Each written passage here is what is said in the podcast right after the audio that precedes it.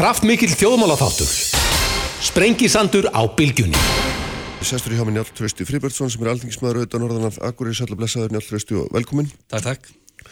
Sko við, ég var hérna að tala með Sveinbjörn Indriðarsson sem er fórstjóri í Sjávíja fyrir viku mm -hmm. og vorum aðalega reyndir að ræða um, um uppbyggingu á kemlauguflugulli sem er hérna stendur fyrir dýrum. Gríðarlega þú ert mikill eitthvað mest áhuga maður um, um flug og flugsamgöngu sem ég þekki allavega og hérna, en, og við vorum mikið að ræða millandaflugi og hérna, en, en uh, og svona í lok, lok samtalsins þá kom ég aðeins inn á, á innanlandsflugið og, og, og og það hversu umlega við höfum staðið okkur undanförnum áratögu eða svo í að fjárfesta innanlandsflugi og þú hefur nú verið fyrir, farið fyrir hópum sem hafa skrifað með þetta skýslur og skoða þetta í, í bak og ég minna ef maður horfir á slóðpenningana eða eldir hann að vera betra að segja þá sjáum við að pólitíkin fjárlutingavaldið hefur náttúrulega bara engan áhuga í íslensku innanlandsflugi, vill ekki byggjað upp. Minna, það er bara niðurstaðan á síðustu 10-15 árum ekki satt Jú, þetta var náttúrulega mikið áfall fyrir eh, flugvöldakjörfi landsins 2011 þá var gamla varaflugvöldagjaldi lagt af. Mm. og eh, þá bara hrund uh, tekistofna fyrir að, að halda við kerfnu og við sjáum að það er umlega kvarf út miljardur ári. Já, þannig að það var bara 10-11 miljardar uh, horfið út af þessu kerfi með það sem var áður og þegar ég var að vinna í þessu starfsópi og leti hann hérna og skilum af okkur loka ást 2018 að þá er mitt skoðað maður 20 ár fyrir uh, uh, niðurlagningu við varaflutlegjaldsins mm -hmm. að þá var þetta meðatali að vergildi 2018 einhverjar 1400-1450 miljónir sem var lagt í kerfið viðhald og uppbyggingu það fór núna síðustu árin eftir 2011 í svona 350 það mm. mingaði, þetta er ógríðal úr því og yfir oh. miljónur ári þetta er náttúrulega gríðalt áfall og þannig að það hefur ekki, það hefur ekki tekist að viðhalda kerfinu og, og náttúrulega takmarkaði nýfrangvæðir og það er ekki þá komið gegnum þessa hefbundu leiðir eins og voru áður. Heldur þetta að veri meira tilvílunan kent slumpað á eitthvað eins og COVID mm -hmm. uh, frang, uh, í mass 2020 sett í akkurarflugull og annað. En uh, þetta hefur verið bara mikið niðurbrott satt að segja á, En á þessum tíma sem þú ert að lýsa er náttúrulega Þú ferði fyrir þessum hópu hérna sem skila 2018, það er kallað skorska skíslan eða, eða skíslan um skorsku leiðina. Já, ja, skorska leiðin, já, já, já. Getur við kallað það. Það heitir Lottbrún í dag. Já, já. akkurat, og, og það er búið að hérna setja upp einhverja svo kallega flugstefnu eða minnst ástu dröga henni heldur 2020 Já. þá kemur hún þannig að það vantar ekki fyrirheit og hugmyndir og stefnur og markmið allt þetta mm -hmm. en það gerist og svo lítið það var einmitt þetta með flugstefnuna. Þetta ætlaði nú að setja inn í kapla inn í okkar skýslu en þeir þótt þetta svo góð hugmynd í ráðundinu að það, það var bara vaðið á stað í að móta flugstefnu. Það alltaf þjóðum er að minna eru með eh, flugstefnu Já. og hvað þá land sem er hérna í miðju allarsafinu langt frá öllum að, og við höfum gríðarlega mikið undir fluginu. Já. og fá raunlega vestran ríki sérstaklega bara, já, eða fá lönd í heiminum sem að eiga jafn mikið undir öflugum flugrestur eins og íslendingar og hann er náttúrulega hverki stærri sem bara hlutvall af samfélagi og, og þess vegna fannst mér miskusti mjög mikilvægt að, að, að, að það er unni slík stefna já. og hún bara hefur hjálpað mikið til og við, hún nýtist okkur í til dæmis núna í umhverjus samgöngunemndin núna í vetu þegar við förum í nýja samgönguállum og þannig að þetta er bara mikilvægt að við uh, séum með svona alvöru já, fókus á þessi málefni sem já. eru okkur gríðarlega mikilvægt en sá fókus að mörgu leiti, ég vil skoða þetta aftur tilröfinlega þegar að gamla flugmálastjórn Íslands er lögð af, eða lögð niður um áramátinn 2006-2007 og flugstöður eru til og kemlaugflugurflugur og allt þetta og síðan saminast allt inn í Ísafja 2010 er maður rétt. Mm -hmm. að fókusinu vel á þetta kerfi að hálfu ríkisins. Hann dopnaði mjög þetta fóri yfir OHF-in og, og við höfum vel ekki það, náð þeim dampi upp aftur það er eins og ríki hefði svolítið útvistað þennan málaflokk og, og fókusin ekki orðið almeinlega, já, pólitíkin hefur ekki skal, ég maður þegar maður byrjaði á þingi 2016 og mér fannst þetta bara ótrúlegt hversu dapurst þetta var umræðu um þennan reysastóra málflokku í Íslandi að hann var í skötu líki mm -hmm. á þenn tíma. En uh, leið og þetta er, þá náttúrulega kom, ég mann ekki nákvæmlega hvernig það var, en þá kom þetta upp einhver umræða um hlutverk Ísafja einanlands og þá virtust forsvarsmenn þess fyrirtæki svona daldi koma fjöllum. Er þetta, er við að sjá um þetta? Já, einmitt og þetta er það sem ég er að segja. Það hefur opnað þarna svolítið 2006-2007 og ríkir þetta hefur bara lendin í einhverju tómarúmi og ég, ég safi ekki litið á þetta sem sinn eila sinn málarflokk og svo bara almennt flurikismál og annað sem að tengist varaflugallunum og, og mm. almennt fluginu að það var svona hálfgett svolítið rófall á milli uh, samgöngustofa í dag er með máluflokkin og samt uh, sjóalandi líka mm. í, í samgöngustofuna sem stjórnstísu stofnun en, uh, og er búið að reyna að byggja upp og allt annað og vonandi er það nú að koma en, en það er náttúrulega gamla flugmálastjónin var lögð fyrir þá hvað er þetta orðin 16 ár eða verið 16 ár já. Já. og síðan þá hefur svona Eh, fókusin á válefnin verið svolítið svona óreðu kent sko, finnst mér persónulega. og þetta verið að geta þess ég er náttúrulega, hef verið flugumfyrstur í rúm 30 ár og, og verið þessu umhverju mjög lengi, þannig að maður þekki bæði fyrir og eftir og, og, og þessu umræðum í söguleg samhengi yfir þrjá áratíu þannig að, að, að hérna það hjálpa mikið þegar maður að taka þátt í svona umræðum Já, en nú ertu sem sagt hérna, nú líka fyrir þinginu uh, tillaga sem að þú hérna, er talsmaður fyrir, getur við sagt, er talsmaður þessari tillögu sem er að leggja þetta varaflugurlega gæld á aftur Já. og mér skilst þessi 200 kall á, á farmið ekki satt. Já, ég ætla að leira þetta þetta í mitt, eh, svo að það verður ekki miskilingur um það. Við lögum til 2018 að það er lagt á varaflugurlega gæld upp á 100-300 krónur Já.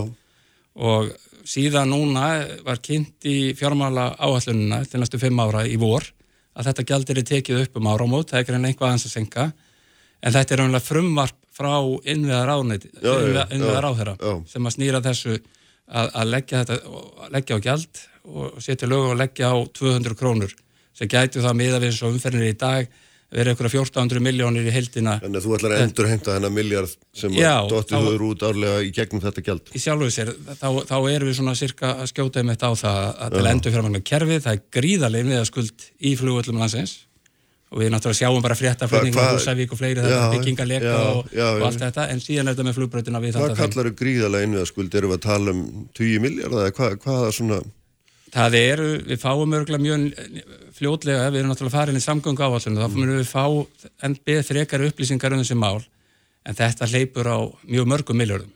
Það sem að vandar inn í kerfið og, og, og, og síðan inn í viðhaldið, það eru bara þó nokkuð margi miljardar sem hafa orðið eftir þar eða sem sagt, sem að, þetta rafna, uh, sambandur opnaði þarna 2011 síðan erum við náttúrulega með uppbyggingu á varafljóðlega kerfinu bara til að sinna þessir gríðarlökningu sem var orðið í, í fluginu að, að það þarf að fara í nýframkvæmdir og styrkja varaflugvöldina þannig að þegar allir hans kemla eitthvað flugvöldu lokast það sem að kannski tíu flugvöld að koma inn á einum, einni klukkustund og þurfa mm. þá að nýta varaflugvöldina í þessu alltjóða flugvöldakerfi landsins þá erum við varaflugvöldu sem eru þá er Reykjavík flugvöldur, Akuraflugvöldur og Eistaflugvöldur, þá fyrir kemlaðik og svo Já. allir fyrir alla, eins og það er uh, við getum kannski sett í þetta eitthvað samengi en þetta er að gera þetta á svipuðum tíma. 2010 þá voru erlendi ferðarmenn í Íslandi 500.000 þeir fóru mest upp í fyrir COVID-ið. 2018 hefði 2,3 miljónir uh, farþegar um keflaðurflöðlu með tengi farþegum öllu það er ekki að nálgast 10 miljónir hann hafði stótt úr kollin á mér. Sá gríðarlegu strömmur 7,8 7,8 næsta ári í spáin sko. en, en þetta var svona þá sjáum við þetta 500 stærlendi ferðarmenn hann til að setja í sammengi 2010, fyrir byrjum 2,3 2008 og við erum að ná að næsta ári. Þá er eins og Svein Björn Indræðsson var að tala um hérna við þig í síðustu viku þá erum við komin aftur og þetta, komin aftur og þetta ról. já, og uh, svo sjáum við að spárnar hjá uh, eins og ferðarmannastofa var að kynna um daginn uh, intellektamennum með vinni Gunnar Haraldsson og hans fólk vinni fyrir upp á okkur spá upp á 3,5 miljón ellendir ferðarmann til landsins hérna 2030 upp á 2030 Já. hvað ætlum við ekki að, klá, við ekki að hérna, klára innviðina og vera tilbúin þá í þetta þegar, við sjáum uh, þetta fer ekkert frá okkur þetta vandamál. Já. og eiga þetta öryggi sem að varafluglir eru og öll, allar flugvilar sem fljúa til á landinu eru með uh, flugplan þar sem gert er áfyrir varaflugli og eins og í dag þá eru getur Akureyri tekið við kannski fimm vélum og eigist það kannski, hvað séu bara, fjóra-fimm vélar. Þetta er alltaf sumt Já, sem að kerfi býður upp á en þegar þú talar um að taka við vélum í þessu tilviki þá ertu bara að tala um plássi sem að viðkomandi flugvel tekur á flugvallastæðinu þú veist ekki að tala um þjónustu við fólk vegna þess að við getur ekki tekið við, nei, við því að svolsögum Nei, nei, og, og við, við erum að byggja flugstu þar en það já, er bara þúsund fermetræði viðbútt en við erum fyrst og fremst að tala bara um neyðar ástand sem kemur upp að vélarnar geti lent uh, oft er hann að sagt, ná point of return mm. það er bara þegar maður er konið að nála landin og getur ekki farið eitt annar, það er elsneti um borð Já. það er líka dýrt að bera mikið elsneti og þetta er okkar tímu loslas og, og þá CO2 og allt þetta að, að, að, að þetta skiptir allt máli og þetta, við erum að hafa með orku skipti og ætlum að treysta á, á nýja orku uh, kannski vettni eða hvað það er þannig að við þurfum að ebla þetta allt Já. þetta er allt bara hluti af stóri mynd en bara í einföldu myndinni 500.000 ferðamenn uppið 3 miljónir á kannski 20 ára tímbili og ætlum við ekki að vera tilbúið með flugvelli til þess að í sem varaflugvelli. Þetta er umlega stóra spurningin og ja, Hverju svara sem... stjórnmálinu þessari spurningu? Já, ég held að þetta sé þá núna. Eh, skýrslan, þetta búið að taka fjögur ára að, að koma þetta fram, Já. þetta varaflugvelli og við þurfum þá að svara því hvernig ætla að standa málu þetta er einn leiðin til þess. Það var... Þú sér að ferðarþjónustunum þótt að sé nú ekki hátt gæld, þá ríkur hún upp til handafót og segir á nú að leggja þetta bara á Já þess aðtunum grein, það er nú nóga gjöldum sem við erum að borga fyrir sko. Akkurat, akkurat. Þannig að hérna, ekki vekur þetta mikla vinsaldi þar. Nei, nei, nei, nei Frekan öllum gjöld náttúrulega. Nei, nei, og, og, og hvað sem lagt er til en þetta er nú ekki það hæsta í öllum þeim nei, pakka. Nei, nei, sáðu jafnar þessu við kókdós en, en það sapnast þeirra saman kemur Já, já, og menn er eitthvað að angra sig á kókdósunni en, en ég, þetta er nú bara samleiking við til að, að fólk átti sig á. Þetta er, þetta er sama mjölkulítir mm. Krónunni gæðir, þá held ég mjölkulítir hann er 190 krónu, fyrst að fóða svo mikið fyrir brjósti og sem að, að tala um kókdósuna en þetta er bara sér hugmynd að sína hvað þú fer til útlanda, kaupir á til að dýra þjónustu og þetta er til að tryggja það að allt færi nú vel fram Já. og sí, hluta þeirri mynd. Þannig að þetta er, þetta er, þetta er varflöðulega gældið lagt á alla farmið, það er ekki bara innanlands heldur Nei, alla, alla, inn alla farþega innanlands og, og, og til og frá landinu og það, allt það dæmi. Og þetta er það þannig 85% er það vantilega þá ellendi ferðamenn sem að hlutfarslega greiða ellendu ferðamenn 85% af gjaldinu. Þannig að hinlegin væri að, að leggja þetta sem sagt sem skatt og væri bara hluti að ríkis rekstrinum en, mm. en þá voru íslenski skattgreðendur sem væri að borga tjónustuna og þá er þetta bara, hafðu konu umræðina með uh, eiga þeir ekki greiða sem njóta já, já. eða hvað sko já, og, og, og gera rauðilega svolítið sjálfbærara þetta kerfi í, í, í Ég hef á sínu tíma því ég vann skýsluna og starfshópurinn við sáum ekki annað en hann á 2011 en að uh, gamla varafélagvölda gjaldi, ég held að við getum lækkað en álögur á uh, flugreikundur ég held að gjaldi það er bara farið inn í keflæg í flugstöðin í keflæg sem er áhugavert og við þurfum bara að fá þetta alveg fram í samgöngu áallin núna eftir áramót Þannig að, að menn hafi áfram greitt gjaldi og það hafa bara runni í önnum málum. Já, við gætum aldrei séð neitt í nendinu þegar við köllum eftir upplýsingum um þetta að hvað varðum gamla varaflöðsgjaldi Þannig að hæg heimatökin hefur að spurja fjármálar að það er innir ekki. Jú, en, en, en við, við spurðum bara þessum tíma og Já. það var ekki alveg svöruð því. Nei. Ég get aldrei verið varfið neitt að, að gjöldin á flugurstræðilega hafi lækkað þessum tíma. Nei, nei. Þetta er svona eitt punktur máls og og þá náttúrulega það væri þannig þá þurftum við mm. að skoða það eitthvað. Það náðust ekki á sínum tíma. En, en þetta er bara stór stæmi og þú sér hvað það hefur tekið mörg ár að koma í eitthvað, eitthvað farveg.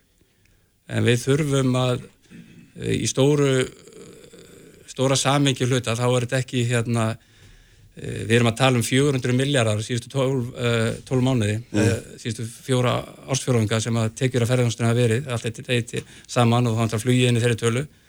2080 þannig fóruð þetta yfir 500 miljardar og þá getum við séð ef eh, 2030 oh.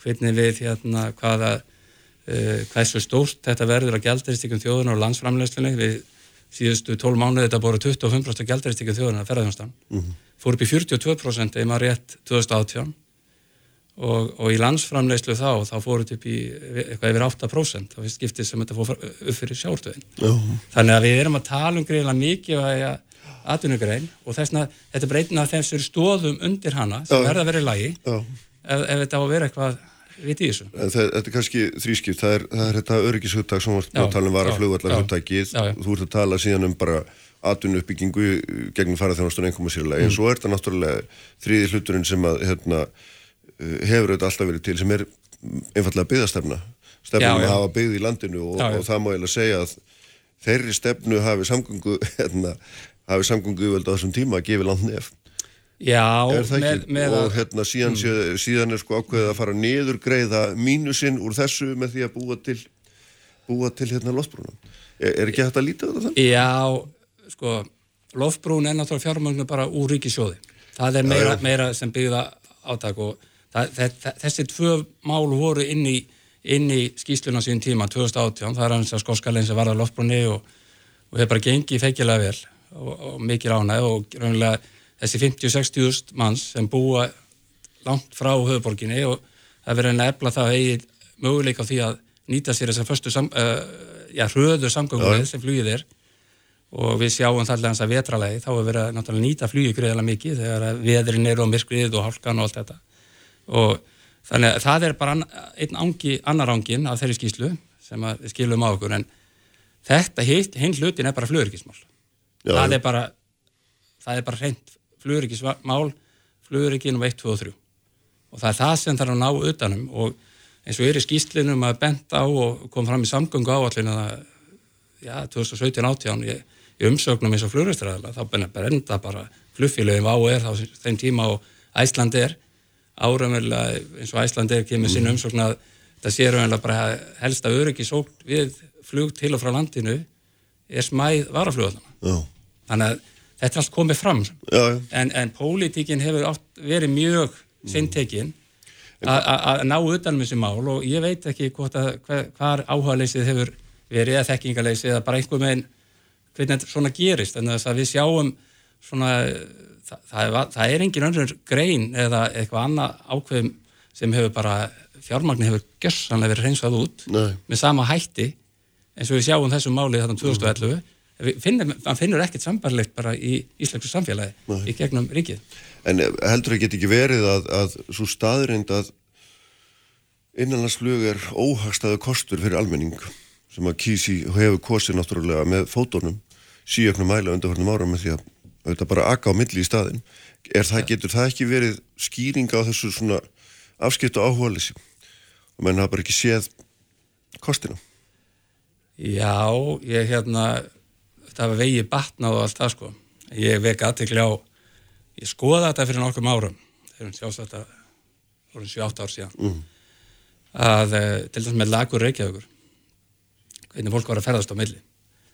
Og ég vann gögt hjá flugfélaginu og vegagerðinu og skoða þetta og, og þá var það kannski já, yfir mestu vetramánuðina november, desember janúar, feb, mass að þá var yfir þá var bara 60% af þeir sem fóru á milli flugumilli og síðan yfir þannig að það voru 40% kerðu 60% voru að, að fljúa svo varstu kannski með yfir sömarið þá var þetta kannski bara eh, 20-25% af ferðalöfum Íslendinga og í að milli sem að flugu þá er náttúrulega gott færið og Já, skemmtilegt og bjart og, og Allt. það sko. Já, og þannig að, að e, það er gríðarlega mikilvægt að í landinu séu upplugt innanlandsflug. Og fyrir íbúa landsbyðina sem að fjast eru e, ég veit ekki hvernig fólk ætla, ætla að sjá þetta fyrir sér að það sé ekki til staðar. Þá held ég nú að það veri nú svött niðurbrotið á samfélagunum vitt og breytt um landið. -hmm. Þannig að ég held að sé enginn að tala um það að, að, að, að, að við ætlum að fara bara slaufa á innanlandsflug í, í, í landinu. Eh, þetta er, þetta er svo mikilvægt fyrir á Akureyri eins og eigistöðum, þú getur bara að sé hvað er að gerast í samfélagunum út á flugvelli til og frá og, og allt þetta. Þetta er mikilvægt á Akureyri en á þessu eigistöðum, þá er þetta bara svo kemur fram í skýslunni hvað þetta er mikilvægt uh, fjallaðin að keira 7-8-9 klukkutíma frá Austurlandi til Reykjavíkur eða fljúa í 45-50 mínútur Já, já. það er, það er bara uh, ég veit ekki hvernig það færi yfirleitt með Austurlandi þú væri ekki með upplugt, upplugt hérna, innhaldsflug Nei, nei. en þú veist, þú þekkir náttúrulega jafnvel og ég það, hérna uh, það að þú ert komið 2-3 í bíl Já, já. og þá er kostnaðurinn við að flyga frá eðstöðum kannski hann að hlaupa á 20.000 og, Já, já. og þá eru menn og farnir að menn og konur farnir að vega þetta Já. saman og þetta er auðvitað hérna, eitthvað af því sem þið þessi hugmyndum skoskulegin, hún á auðvitað að vinna Já, gegn þessu vinna gegn þessu. Jú, á bak og þess vegna var ég að tala um að hún er, er niðugreiða einhvern beginn svona Já, það er, Hérna- hún, hún gerir, þetta er valkostu við það að þú getur að farið þrjár ferðir ári, mm. sex flugleggi og farið niður kreiftum 40% þessa leggi. Og svo kvartaðu náttúrulega allir, eða margir, já auðvitað þarftu miklu fleiri og allt það sko, Já, en þetta er þá, við erum að, að reyna að gera eitthvað og við þekkjum þetta frá viða í Evrópi til dæmis, þar sem sipaði hlutir eru gerði til að styrkja þetta er auðvitað byggðamál. Já, já, já, bara í stóru, stóru, stóru, stóru hérna, það var það sem ég var að vísa til aðan með, með byggðastefnuna uh, þetta væri nota til þess að niðugriða skortin á henni í, í fjárfestingunni já, já, já, já mm. en, en þetta kemur þetta, en þetta er algjörlega óskild mál mm. í, í, í grunninn þannig að auðvitað maður bara kalla eftir því núna og vonandi frábært að, að frumarpið sem komið fram hjá innveða ráðhra að, að vonandi fyrir að sjá frá betri tíma að þannig að, að við fyrir að taka með skynsalega hætti á þessum flugurikistátti sem varafluglir eru 1, 2 og 3 til fluguriki mm. og við hérna En hvað, þú, þú, þú talar um margra, margra miljardar krónar skuld innveða skuld, eins og kalluð er. Það er að segja, hérna, við erum í skuldu í fortíðuna um að um að byggja upp mm. og, og, en þetta sem þú vart að tala um þessi miljardur uh, sem á að spýta inn í samkvæmt mm. þessu gjaldi hann mm. gerir ekkit meir en að halda bara þokkalegi horfinu Já, eða hvað, fjórst... þartu ekki þú þart eitthvað miklu meira Já, 1400 miljónir uh, myndu gera mjög mikið og við getum Já. farið bísna langt á kannski á 7, 8, 9 árum ég, í, í framkvæmdum og klárað klára að komi ágæti skikki á þessi mál. Svo náttúrulega þróast bara uh, erum við bara að sjá hvernig verður. Hvað hva, hva er það nákvæmlega því maður er ekki, ég er ekki nóg kunnum um hvað er það að koma skikki á þetta? Það... Uh, við erum að klára eins og Akureyri, þá er verðum albeika flugleið næsta sumar mm. þessi stækkun, þannig þá getur við að fara að taka á móti ja, 14-15 vélum tótum á sama tíma í þannig ástandi. Uh, eigistæðir er þar eru fram, komið inn í skipulagsmál sveitafélagsins og allt það en þar er eftir að fara allar frangvarnar sem er þá akbröð við hliðin á flugbröðinni, stækkum flugslaða og slíki þættir. Mm -hmm. Þar er frangvartarplani vantilega á 8-10 miljardar ja. til að byggja upp þann flugvöld ja. fyrir til að sinna þessu hlutverki. Ja. Við sjáum, þú flýgur með Európa eða bandarækinn, þá eru varaflugvöldi bara allstæðir fyrir neðaði, út um alla trísur. En okkar slóðum, náttúrulega í miðju allarsæfinu, þá er þetta svo fáið flugvöldir og það er langt eða allar út fyrir landsteinuna mm -hmm. þannig að við erum fyrst og fyrst að treysta og byggja upp þessa varaflöðli innan á Íslandi. Og þá erum fyrst og fyrst að einbetta okkur að þessu fjórum alþjóðaflugvöldum að þeir virki sem held og flugur ekki sé tryggt með sem allar besta móti. Mm. um það snýst máli, þetta er ekki neitt mikið flóknar en það, bara flugur ekki um 1, 2 og 3, það er það sem meldast við. Og það er það sem við þurfum að hafa í huga þegar við erum að, erum að treysta svo mikið á ferðarþjónstuna við viljum ekki lendi í einhverju, einhverju tvæla, einhverju dægin, einhverju hættulega ástandi það myndir nú spyrjast fljótt út Já. þetta er bara, þetta er hluti að þjóðarauki smálun sem ég er nú alltaf að tala um öllu sviðum þetta er bara eitt þáttur í svo mörgu sem tengist uh, þjóðarauki smálum þjóðarinnar mm. sem er nú aldrei komið umræðin núna En ef, ef að þetta var að fljóðalla gjald ekki fyrir gegn mm -hmm. þá er bara fjárveitingar óbreyttar þá sem verið hefur, það er ekkit annað, það er ekkit annar tekistofn hugsaður til þess að sinna þessum fjárhunum sem þú ert að nefna. Nei, nei. Það er bara þetta ekkert. Það, það er, þetta er staðans, þetta er það sem að, auðvitað skoðum við að hitt og þetta hérna 2018. Já. En maður, ég fann ekki verið miklu vilja að fara aðra leiðir, sko. Nei. Það er bara þannig. Og það hefur ekki breyst. Nei, það hefur ekki breyst. Ég hef ekki orðið var við neina breyting á því. Þannig að þetta var tillagan eftir að nefndun hafi skoðað ímislegt og farið í gegnum þetta, mm. efnislega. Og, og, og þannig að við erum komin á þennan stað ég vonast til að þetta klárist á fyrir voru verður ekki, fyrir ekki orðalega, er ekki, er, verður, er ekki til skýt nógu peningur í Ísafi, er ekki hérna, leiða þarna og þeir ná sér að streika aftur eða við í ferðað þjónus og það vantla mókast en peningar það líka, það gerði það mest á sínum tíma, þó að COVID-ið hafi leikið. Það fyrir ekki grátt þessu alla COVID er náttúrulega en þeir, þeim ber skilda til þess að leggja fyrir inn í þetta, er það ekki? Það er þá meira sem snýra eigenda stefnu fyrirtækisins og raunverulega ríkið, ríkið er ekki með alveg eigandastefnu að mínu mati Nei. og hefur raunverulega aldrei komið fram með hana Nei, ég fann hann ekki, ég var að leita henni það er, það er til við ekki með hana Já. en ég fann ekki sjálf stefnu og bara þetta samhengi hlutana sko. mm. eins og þetta er í dag, þá er móðufélag Ísafja sem er þá, svo eftir með dóttufélag Ísafja innanlands sem er þá bara undir en móðufélagi bara hefur fyrst og sína skildu við keflagflugl Já, þannig hefur það talað frá stofnun já, já. og uppbyggjum hans. Þetta uh, COVID fór gríðarlega illa með Ísafja og, og hæðstu styrkinni eða COVID styrkinni kom frá ríkinu held ég að farið þangað. Mm -hmm. og halda áhrum í uppbyggingu í Keflavík. Og hún hefur gengið vel og það er verið að hérna, byggja upp á fullu.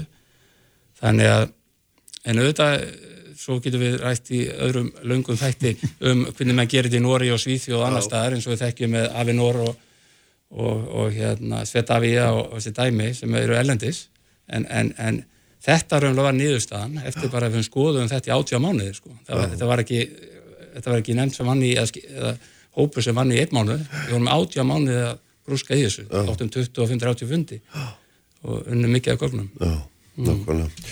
Herru, það er hérna þetta var forvöldilegt allt saman, við sjáum hvernig hérna, þessu máli reyðir af. Já. Ja, takk fyrir að koma. Takk fyrir mig, takk fyrir mig. Ég, ég ætla að tala með Ketil Sigur Jónsson hér eftir augnablikum Vindorku. Sunnudagsmorgun á Bilgunni.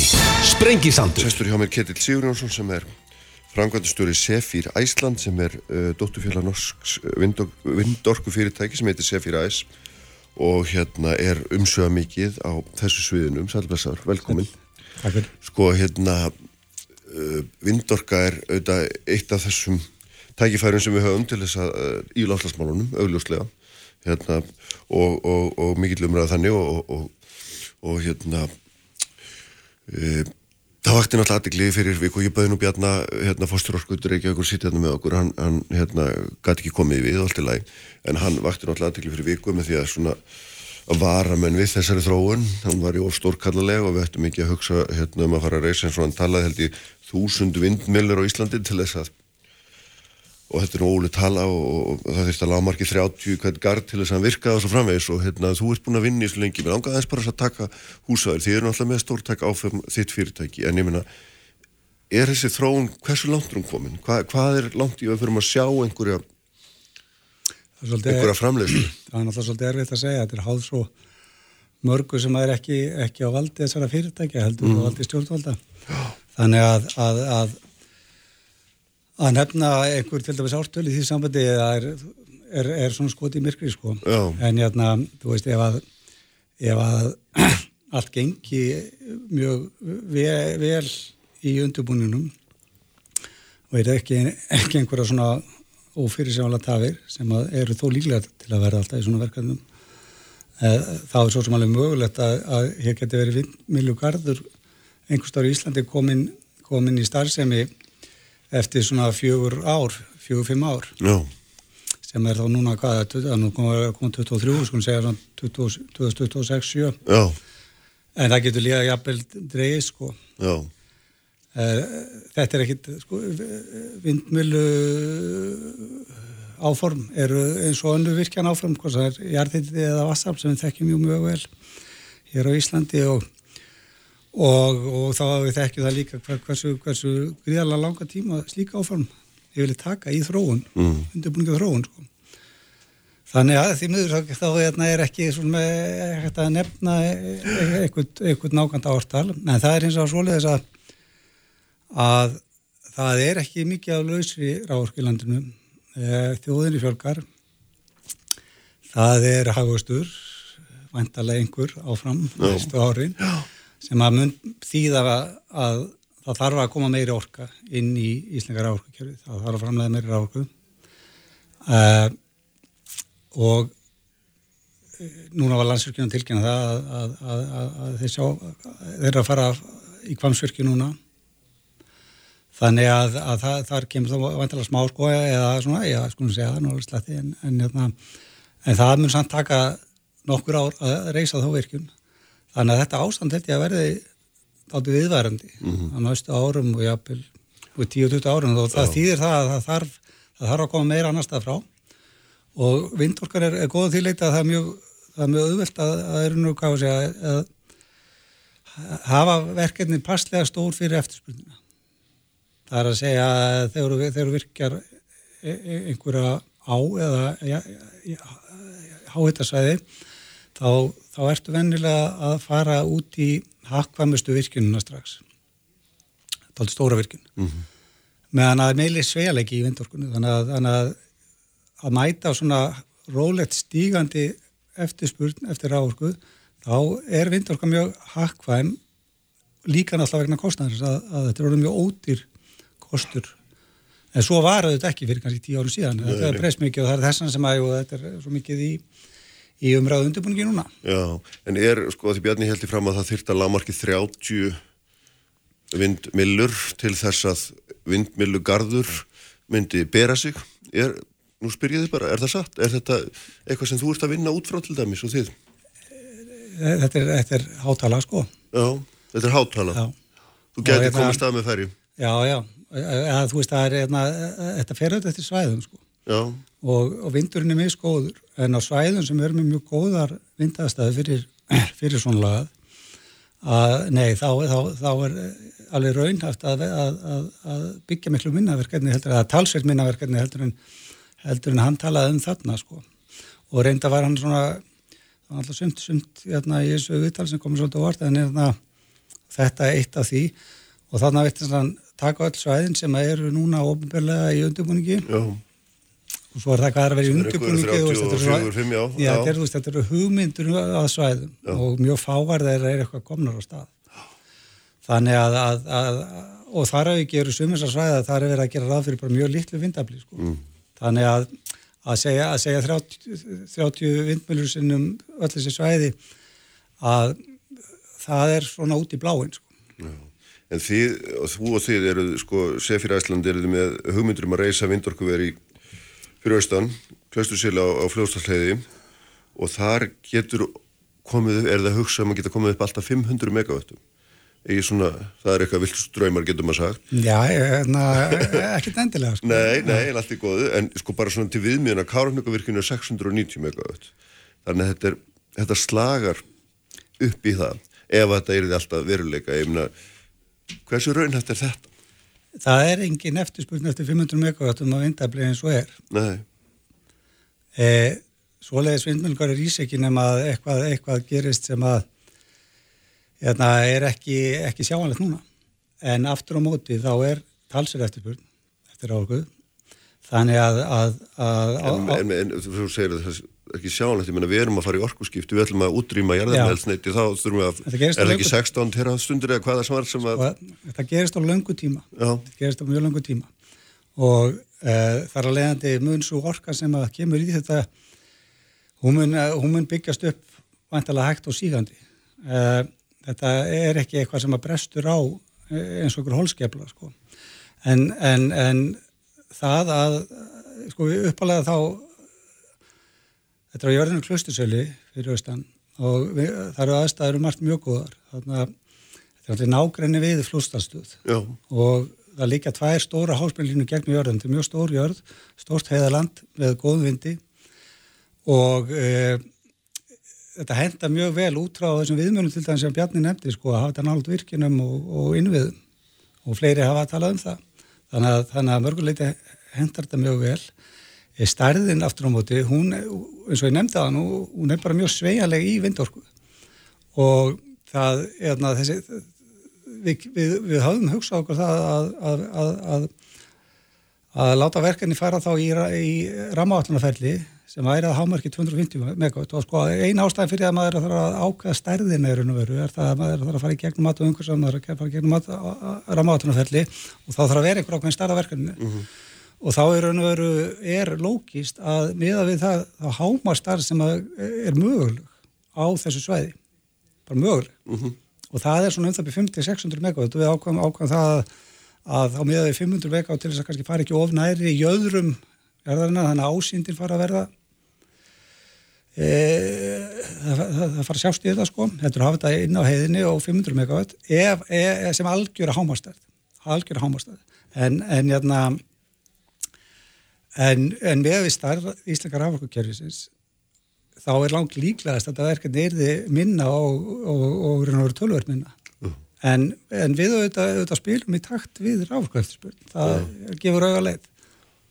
Já, sko það er, það er hérna síðan líklega svona hinn hlutina þessu það er er eitt og, og síðan er þetta eins og nefndir lítilega hérna ásýndin og, og umhverfið og náttúrun og allt þetta. Og maður sér að það er líka það verður þrautin þingri fyrir ykkur að sannfæra fólkum að þetta sé hérna heppilegt íslenskri náttúrum Já, ég held að það sé bara alveg hár rétt í að að, að, að já, allavega það er allavega hljóta að vera mjög skipta skoðin um verkefni þessu tægi mm. eins og öll, í raun og öll stór eh, verkefni sem að sem að hérna eru áformum með hugmyndur um hvort það eru virkjanir að annað til þess núna þá er, eru komin alls konar svona já, við getum kallað námuvinnsluverkefni það er að segja mjög stórfældur útflutningur á, á, á, á jarðum og, og þetta er þetta umdelt verkefni og hérna og hjá okkur auðvitað, auðvitað horfum við til þess að reyna að auðvitað er góði vindur en er, er, er, það er líkilættri sko, að það sé góði vindur og, og helst að það sé ekki oflóki að tengja þessi verkefni inn á flutnískerfi þannig að það sé ekki einhversta lengst í burtu frá því að eru ekki að byggja stórkvæmslega raflínur eða annað slíkt. En, en að sjálfsögðu skiptir rosalega miklu málið þarna ásýndin og, og hérna, að valda ekki náttúrspöld mm -hmm. og auðvitað erum sko, núna erum við með það með tíu svæði, tíu tól svæði til skoðunar. Allt svo þitt fyrirtæki? Já, þess að sé fyrir Æslanda. Og, og þessi svæði eru misjöfn það er mismikil miskoðu vindur og það er mismikil ásýnd sem er því af vindmerunum og það sem við erum að gera er, er, er að við, við, við, við tökum þau verkefni sem við teljum svona raunhafist í tíma að það sé að, að, að, að það sé verkefni sem er lengst frá flutnískerra og svona þau aðeins býða en þessi sem er, sem er kannski raunhæft að tengja inn á flutnískerfið mm -hmm. þau, og, og það sem er svolítið góð vindur, þau, þau hafa forgang og þá er það það sem að mata á umhverfisárum byrja fyrst og mata á umhverfisárum er, er komið á stað núna og er að fara á stað í nokkrum verkefnum og þetta er raun og veru sko, það er rannsóknir það eru þetta búið að gera ímislegt en þetta eru, þetta eru alvöru rannsóknir oh. og þess, þessar rannsóknir niðurstand á þeim rannsóknum munum þetta ráða miklu um það hvaða verkefni verða síðan sett í, hvað segja, í alvöru forgang. Já.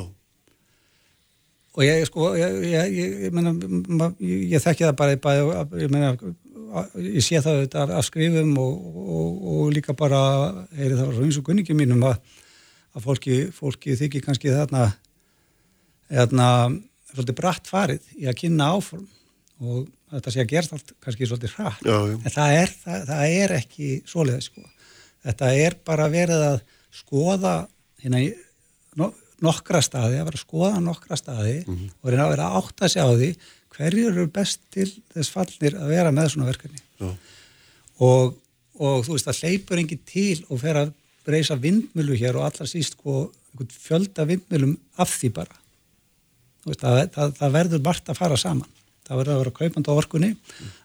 eftirspunni verður að vera fyrir hendi. Að alveg líkir allir svona lokuðu litlu ráðhugkjörfi og það verður að vera búið að fara í gegnum e, flókiferli það sem að eðna, e, allir eiga að kosta að koma með sínar ábyrningur og aðtöðsendir og ymsa rannsóknir sem þurfa fram og bæði fuggla rannsóknir e, margskonar náttúrulega rannsóknir og svo framins og framins oh. þannig að þetta er bara mjög langt ferli og þetta skýri smám saman hvaða kostir verða raunveruleika. Mm. Eh, það er líka önnu fyrirtækin alltaf að skoða vind á Íslandi og, og það er sama á við það. Ég meina, eh, þeir kostir verða ekkert allir að veruleika gerir á fyrir, það er, eila, það er, það er útiloka. Já, en þetta, þetta, þetta sem við hafum verið að tala um hjá ykkur að forðinu þetta, þessi klaustur, þetta klaustursel, þetta er upp á heiði, ekki satt? Jú. Þetta er óbyggt land.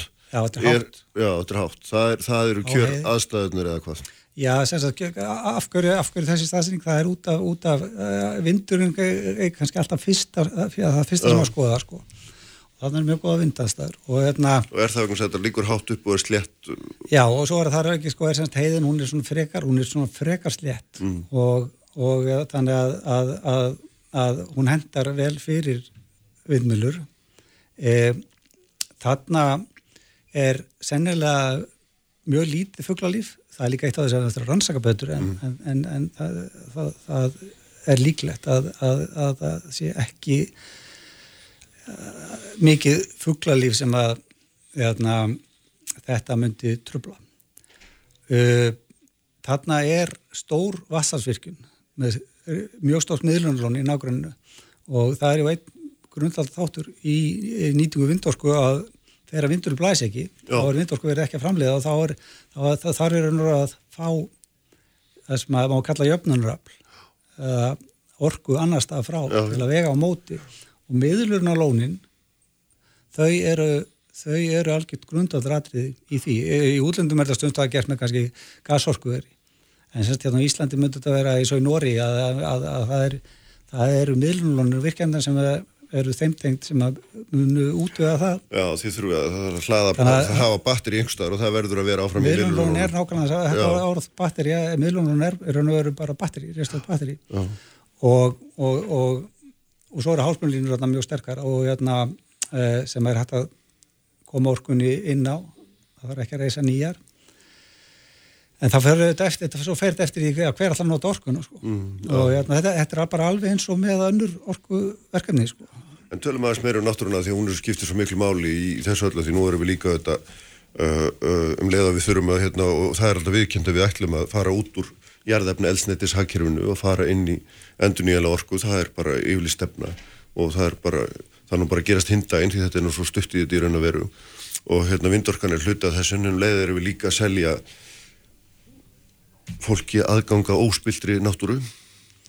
Ég... allir í náttúru sem að hérna er einn okkar helsta teikjulind og þarna getur nú að hagsmunir aldeilis skarast.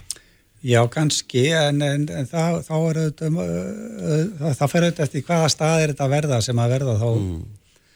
í fórgangi að verða hvaða staðir verða nákvæmlega sem að vindorkufyrirtækin e, sækjast eftir, sækjast eftir að reysa vindmjölur og mm. það verða ekkit allir þessi staði, það verða bara nokkur það verða bara nokkur af þessum stöðum sem er til skoðun núna, það er, það er, held ég alveg auðvitað smál. E, Landsökjum er alltaf búin að vera að fara í gegnum sitt verkefni e, sem að er kallað búrfellslund sem er svona fyrir ofan búrfell e, gríðarlega náttúrufegur, þetta er, þetta er við þjós og afskapla Já, það er mikið, mikið útsýnið þannig yfir til heklu mm. og, og niðurstaðan þar var þeir náttúrulega svo að, að með því að hafa allar vindmjölunar sko vestanmegin vegarins, þannig að fólk sjá þetta ekki að horfur austur fyrir á heklu, þá, þá var það að tala betra verkefni. Mm. þannig að svona málamiðlanir það er, það er, það er, það er allavega reynd, það er virtust döga þar til þess að að, að, hérna, að gefa græntlós á það verkefni. Það er þetta það verkefni sem er langt lengst komið. Það er, það er öllum, öllum líkildum það er bara langt líklegast að það verði fyrsti, fyrsti vindmjölugarðurinn á Íslandi og hver verður svo næstur er ekki gott að segja mm. því að öll hinn verkefnin þá við bæði okkur og, og held, ég, held ég öllum öðrum sko öll önnu verkefni þau eru bara bísna skamt á vega komin Já. þannig að þau eru þau eru, hérna, við tölum um það einu upphau hvernig það gæti verið en það er, alveg, það er ekki lólegt að það sé lengri í það heldur en áttölum sem við varum að tala um þá sko. En sko, enn annað svona, eh, sem er alveg greinlegt að hérna getur orðið ástætningstegn er, er, er eignarhalda á fyrirtækjum. Og, og það er hérna innlend versus ellend eignarhalda á orkuöðlundum og nýtingu orku hérna og, og svo framvegis. Og sefirinn og reyndar að því litinu til sérst að það er í eigu ofnbæra aðlega eftir því sem ég skilst í Nóri reyndar. Er það ekki rétt? Jú, það er eigandur, eigandur þess eru það eru er tvö vatsafsfyrirtæki sem eiga, fyrir, eiga sefir mm. en semst að eigandur þessar vatsafsfyrirtæki sem eiga sefir eru norsk sveitafjölu og norsk fylki. Það er, það er eitt stjórnsýslu í viðbóti Nóri fylkin sko. og, þannig, og, og þetta eru sveitafjölu og fylki sem eru svona já, þau eru nægilega síðst sko, í nákvæmlega sænsku landamærin nákvæmlega Oslo eh, þar búa nokkur hundru þúsund manns þannig að það er endalega eigandur sko fyrirtækisins og, En heldur ekki að þetta getur orðið erfitt? Ég veit Ekkur ekki sko, ég veit ekki hérna, ég, ég bara ég hef aldrei ég held þessu áttu við það að Íslendingar þessu Íslendingar eða Íslands fyrirtæki. Íslands fyrirtæki sem að, að hafa nýttið fyrir Íslands orku framlust á Íslandi. við erum, að, við erum að tala um orku öryggi mjög mikið og við erum að tala um þetta litla loka ráorku kerfi sem við tengist ekki öðrum úr framvegist við höfum 63 manneskjur til þess að ákveða þetta. Um, og þau hafa niðurvöstuð sko, þau, þau hafa sett, sett upp það eða e, kerfi að, að, að það er reglur að, að í raun og veru þá meiga allir sem að öll fyrirtæki á eurósku efnaðsvæðinu meiga eiga rákurhónast á Íslandi. Mm -hmm. og það er einfallega það reglur sem að sem að e, við lótum að hóra til. E, Hérna er ekki mikið lennend fjárfæstingan sem komið er í, í orkurhannarslu en þó það er, það er hérna, 50% sluti af HS orku er í ellendreifu sem er nú eitt af stærsta orkuvirtökjalansins og ég hef svo mikið orðið varmið klumbur að það að, að sé ykkur ástæð til að breyta því. Mér bara sínist að og bara til að sáttu við það eignarhald.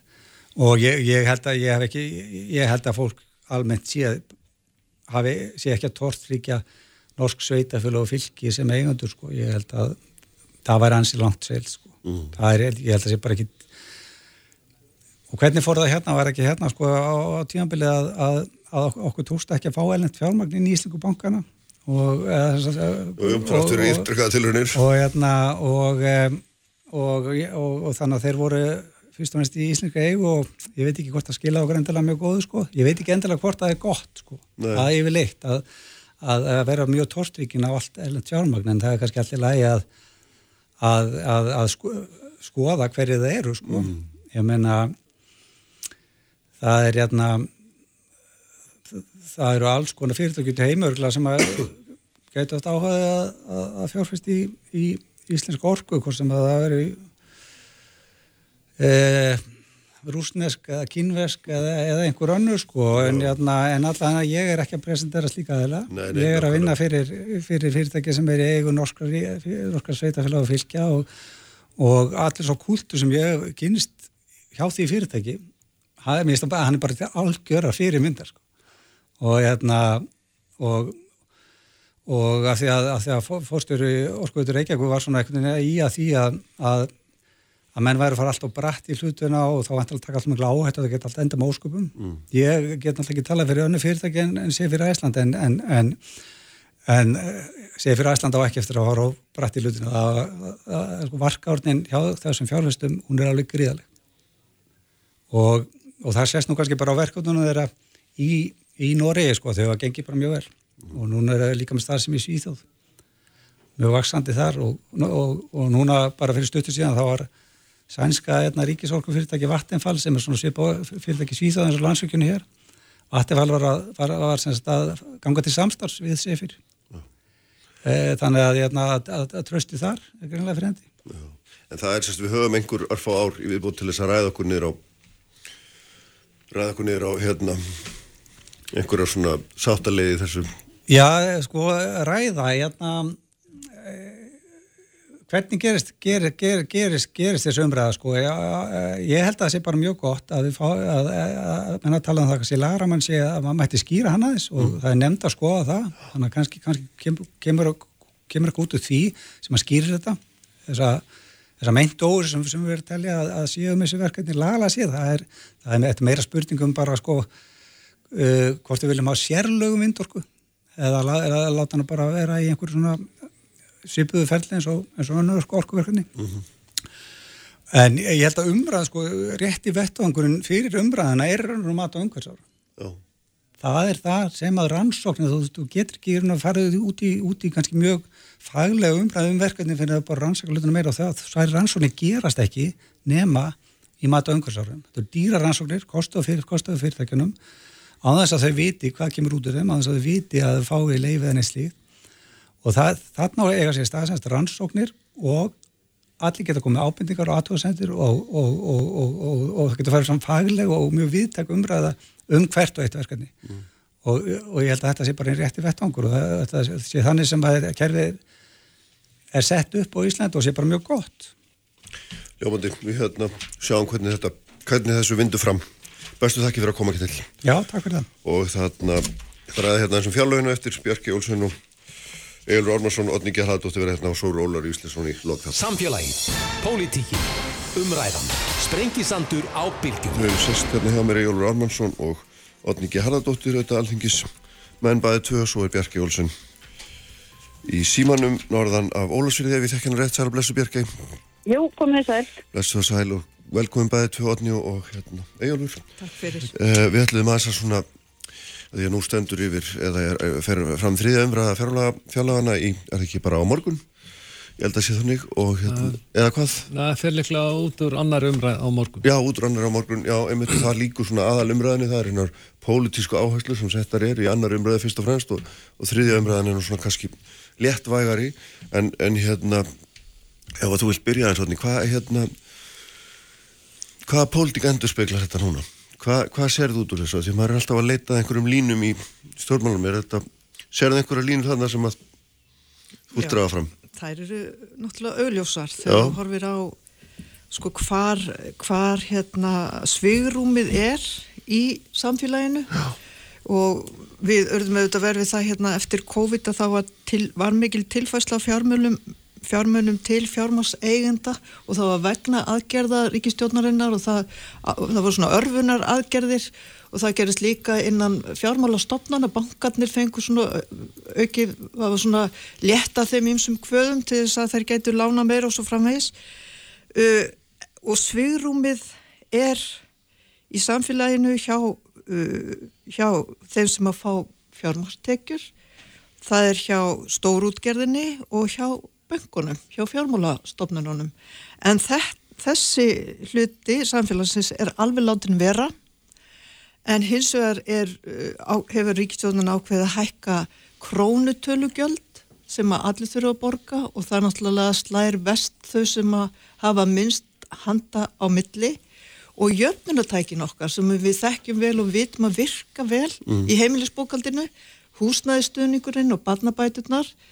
Uh, barnabæturnar heilega sko lækka raunverði á milli ára uh, og vaksta bótakerfið og húsnæðsbótakerfið Vakstabótakerfið er náttúrulega bara búið að, að skemma sko því það viðmiðunum er ekki breytt í samræmi við hækkuna húsnæðsverði og, og, og leigubæturnar þær hækkuðu í sumarvísum 10% höfðu þá ekki hækkað í 5 ár.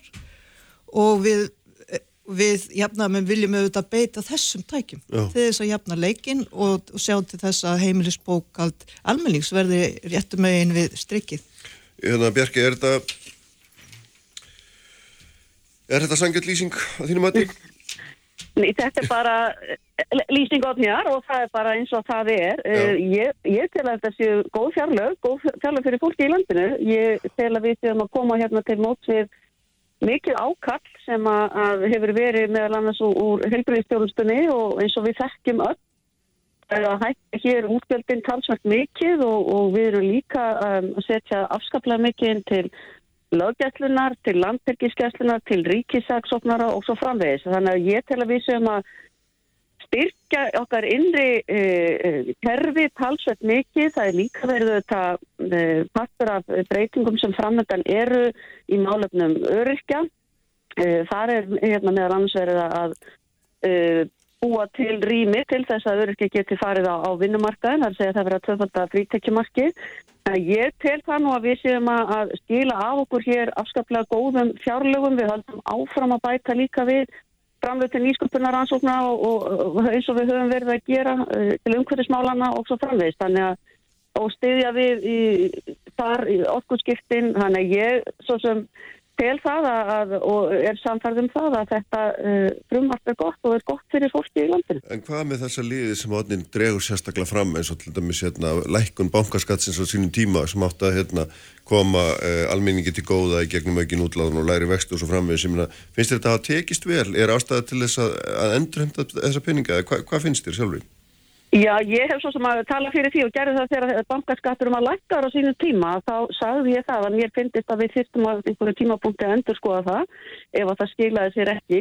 Uh, ég veit ekki, sko, það fóru vexlir mjög langt niður hér, við mönnum það, það er mikið búið að kvarta við því að það hafi orðið til þess að einhverju séu vandastattir í dag, þannig að við erum svona fram og tilbaki því, en ég finnst alveg ástæði til þess að við vestum því fyrir okkur að, að sko, endur skoða þennan bankaskatt, því að ég er uh, tek alveg undir það, mér hefur ekki fundist það skila sér til neytenda, en það er allavega það er ekki á döfunni akkurat í kringum þetta fjárlagafrjóðan, en það er útlokkar það alls ekki að það veri gert. Jómandi, hérna Ejólur, hvað, hvað lest út úr þessu? Þú sittur í fjárlaganemndinu Já, ég les, já, ég les út úr þessu ótrúld stefnuleysi fyrir að fyrsta Já. og ég les líka út úr því að það er helbilskerrið undir fjármagnað og ég leðist líka út úr því að, að hérna, almantringakerfi, það er karaglinin heldur áfram. Meirins að hækkunni núna, hún heldur ekki við ver, verbulgu sem spáðir 8% næsta ári. Og vega, vega, framlega til vegamála þau lækka líka sem er mjög mikið væg fyrir landsbyðina og það er til að slá að þenslu og verbulguna og, og raunverulega það sem er líka í þessu, eins og hér er komið fram er það að efsta lag samfélagsins, efsta tekjutíundin sem að fær þau fengi 81% af, af fjármastíkunum að það er, það er of skattlægningi þess, þeir eru ekki að borga það fólk er ekki að borga hinn réttláta skjær til samfélagsins. Það er bara einfallega of lági skattar af fjármastíkum, það er og það er gott að vera ríkur í Íslandi, mjög gott að vera efstu teikjutíundinni mm -hmm. og stjættaskipting er að aukast. Við sjáum hvað fátöku ellilífistegum og öryrkjum að þeir eru sitja eftir. Og þeir eru að gert áratögu saman. Og ég tekið sem dæmi landsbandi eldriborgar bent á það að það eru að hækka ellilífur um 20-40 þúsund krónur til að ná sambærilegum kaupmætti og var fyrir COVID til dæmis. Og svo erum við, við erum í karagliðurum vandi örgu lífistega hann er upp á 10-10% frá hrunni þannig að þetta er ekki verið að laga þetta það er ekki verið að leiðri eftir þetta. Og, og, og ég, meina, sko, það sem er að gerast núna er búið að gerast. Fjármastekjur hafa au, aukist alveg gríðarlega á sístu 10 árum 120% og og það, það, það er komin tíma það að skatleika það með réttlandum hætti á sama tíma hafa atvinnþykjur aukist til 53% mm. þannig að við erum komin svona stjætt fjármæstíku fólk sem hefur eh, lífsafkominn sín af fjármæstíkum og það er eðlert að það mm. fólk reyðir réttlandum skert Hérna Bjarki, aðeins áður nátti kæsta að að bregðast við þessu að, að, hérna, að það er auðvitað þannig að sko innveðar á þeirra, formað framsóknarflokksins lísti því yfir mér að hér að, að hún finnst rétt að hækka fjármjöngtekjuskattin vegna þess að það þurfti að láta eitthvað ánur reynandi sveitafélagana og ég efast ekki um að Vinstri Græn síður sammála. Ég spurði fórsettsræðan út í þetta og, og hérna, hún sagðist hérna, þetta voru hugmyndi sem henni hugnust vel. Og, og þannig að þið eru hérna, saman í ríkistjórn en, það gerist nú óskup lítið í þessu máli eða hvað? Já, það er nú kannski, eigum ekki að halda þið til haga í þessi tvörskipti sem að undarfæri sem að hérna, fjármastekjuskattur hefur hækkað, þá var það nú í, í okkar tíð, svo það sé sagt. Mm. Ég hef hins vegar uh, og hef talað fyrir því inn á alltingi að við eigum að þrepa skipta fjármastekjuskatti og uh, ekki sístemit með tilliti til þess að sveitafélagin fá einhvern hluta því mér finnst mjög óæðilegt og ég hérna uh, er nú með mál fyrir alltingi meðal annað sem varðar eitt af þessum göttum Uh, í skattkerfinu uh, það eru, eru þarna hólur sem að þarf að reyna að fylla í að, og við getum með misauðveldum hætti gert en, en sannlega hægt að gera. Og þetta, það að hætta fjármastekjaskattin er þrepa skiptunum þannig að þeir sem að eiga svona, þar getur við sagt bara lítinn hefbundin Uh, sparnað að þeir þurfa ekki að lendi því heldur eins og bara ofni kom inn á hér í upphafi að uh, þeir sem að, hafa breyðubökina þeir geti tekið þátt í þessu. Ég hef alltaf talað fyrir því og það hefur ekkert breyst. Ég tala fyrir því líkinu mínum þínklokki og, og við erum held ég eins og þú nefndir alveg, alveg hérna uh, til í það samtala að gera það og eins og ég sagði áðan það er ekkert sem á útilokkar það að þó að það gerist ekki eftir þessu fjalla frumarfi og tekjubandorum sem mm. þessu fylgir að þá, þá hérna útiloka það ekki að það geti gæst uh, í framhaldinu sko. Að mínu mati. Já, Odni, hérna sko þið eru með hugmyndur um hækkunum skatta Já. Exakt, þið eru með hérna meðan fjármögstekjur og skattur á að hækka um 5 miljardar sem að nefna eitt af þeim dæmin sem þið hafi að Kristrún hérna eitthvað formaður hefur lagt fram í, í, í sínum hugmyndum allavega Já Ég nú bara aðeins áður en ég fer yfir það bara, bara minna hlustendur á að Bjarki Olsson Gunnarsdóttir er formaði fjárlagan og það, það blasir við uh, vandi vegna sögulegar hárar verðbólgu á heimilun landsmanna og það er, ekki, og það er bara látið kjört liggja sko. og, og þeir sem eru með mestu tekjuna þeir, þeir eru með minni skattbyrði vegna þess að, að fjármastekjurnar eru með læri skattaheldur en launamenn er að, er að greiða. Og fjárma, 30% af fjármastekjunum eru hjá ríkasta eina prósentinu í landinu. Og okkar tillega er svo að hækka fjármastekjuskattin úr 22% í 25% um 3% stig. Og uh, ríkasta 0,1% myndi þá greiða aukalega 1,1 miljard ef við myndum gera þetta og ríkustu 10% þá greiða 4,6 miljardar af þessum þremur miljörðum mm -hmm. og þetta er meira uh, en það sem að ríkistjórnin, viðbröð ríkistjórninar eru í þessu ástandi uh, að hækka göldin á almenning í landun en við getum sleft því og, og hækkað uh, fjármástekjuskattin að, að þessu leiti. Mér langar til að segja af því að, að hún uh, Bjarki nefnir hér 200.000 krónum frítekjumarki vegna atvinnutekna örkja. Uh, það er margbúið að leggja þessa tilugu fram. Við höfum gert það í samfélkingunni og, og fleiri í stjórnaranstöðinni og það hefur jafnáðum verið felt af stjórnarmeilhutunum en núna kemur þetta fram. En það er rétt að hafa í huga að það er aðeins 28% örkja sem eru á vinnumarkaði uh, og, og tekjurna þeirra eru þannig að Miðgildið er 150.000 krónur á mánuði og langt flestir eru með undir 200.000 krónur á mánuði mm.